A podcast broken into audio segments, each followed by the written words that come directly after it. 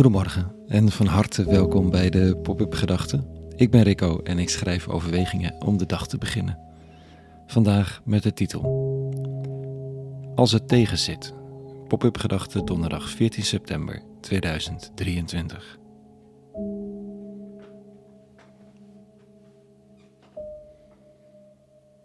Dat kan hè. Sterker nog, het kan haast niet dat je niet weet wat het betekent dat dingen tegenzitten. Vol goede moed en visie en talent aan de slag, maar dan loop je vast. Gaan de dingen niet zoals je wilt of gebeurt er iets in de familie of vriendenkring die de bodem onder je leven even wegslaat? Dat is iets meer dan tegenzitten, maar het heeft dat verlammende effect. Dat al die moed, visie, talent, dat vertrouwen waarmee je op weg was, lijkt weggecijpeld. En je een richting bent ingeslagen waar je niet over twijfelt, die onheimisch voelt. Dat je niet meer weet of je voor of achteruit moet, of wilt, oftewel, dat het tegenzit. Sport biedt mij en heel veel mensen een plek om even stoom af te blazen. En om even met het lijf en niet met het hoofd bezig te zijn. Voor mij is dat vechtsport, voor een ander hardlopen, voor een derde klimmen of voetbal.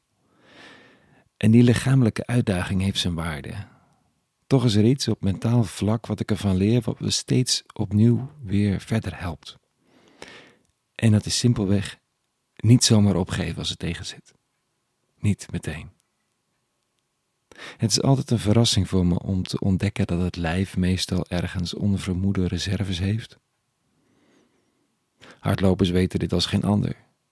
Je hebt dat breekpunt, het er doorheen zit moment, en pas daarna begint de flow. Ik weet er niet alles van, maar ik heb het wel eens gehoord.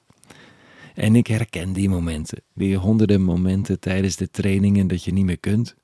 Dat je op wilt geven, dat je iets anders wilt doen, dat je naar de klok, oh, dat je naar de klok kijkt en wanhopig je afvraagt waarom de tijd niet sneller gaat. Om vijf minuten later weer lekker aan de bak te zijn met onvermoede energie. Je hoofd wilde niet meer. Je mopperde op jezelf. Je twijfelde aan jezelf. Je verweet jezelf of de trainer of het weer. Van alles. En dan is er daardoorheen opeens nieuwe lucht. Nieuw licht. Ik had niet gedacht dat het opnieuw oppakken van mijn trainingen me dat zou brengen. En ik ben heus niet professioneel in die sport. Het is maar sport, maar het zijn wel levenslessen. Want hoe vaak geef ik het niet op in mijn zoektocht naar betekenis? Naar verbinding, naar God. Hoe vaak ben ik al afgehaakt op mijn route om te leven met hoop? En afhaken geeft niet, tenminste even met de handen op de knieën uitblazen. Oh, kun je beter rechtop gestaan, krijg je sneller weer lucht in je longen. Als je het maar onder ogen ziet, jezelf weer opnieuw uitdaagt en het moment ziet zoals het is. Nu heb ik even geen puf, zie ik het even niet zitten. Maar dat zegt niet per se iets over straks. Een mooie illustratie is de tocht door de woestijn van het prille volkje dat Mozes uit Egypte, uit slavernij, wegleidt in de eerste boeken van de Bijbel. Ze zijn net een stuk op weg als dit gebeurt. Hier er staat, maar door die tocht werd het volk ongeduldig. Het keerde zich tegen God en tegen Mozes. Hebt u ons uit Egypte gevoerd om te sterven in de woestijn? Er is geen brood, er is geen water. En dat minderwaardige eten staat ons tegen. Dat is niet alleen tegenslag, dit is het volkomen opgeven, de leider verantwoordelijk maken en de onderbuik laten spreken. Er volgt een vrij furieuze goddelijke reactie over het zo snel opgeven. Maar het punt is natuurlijk dat dit zo herkenbaar is. Je hebt het erop gewaagd.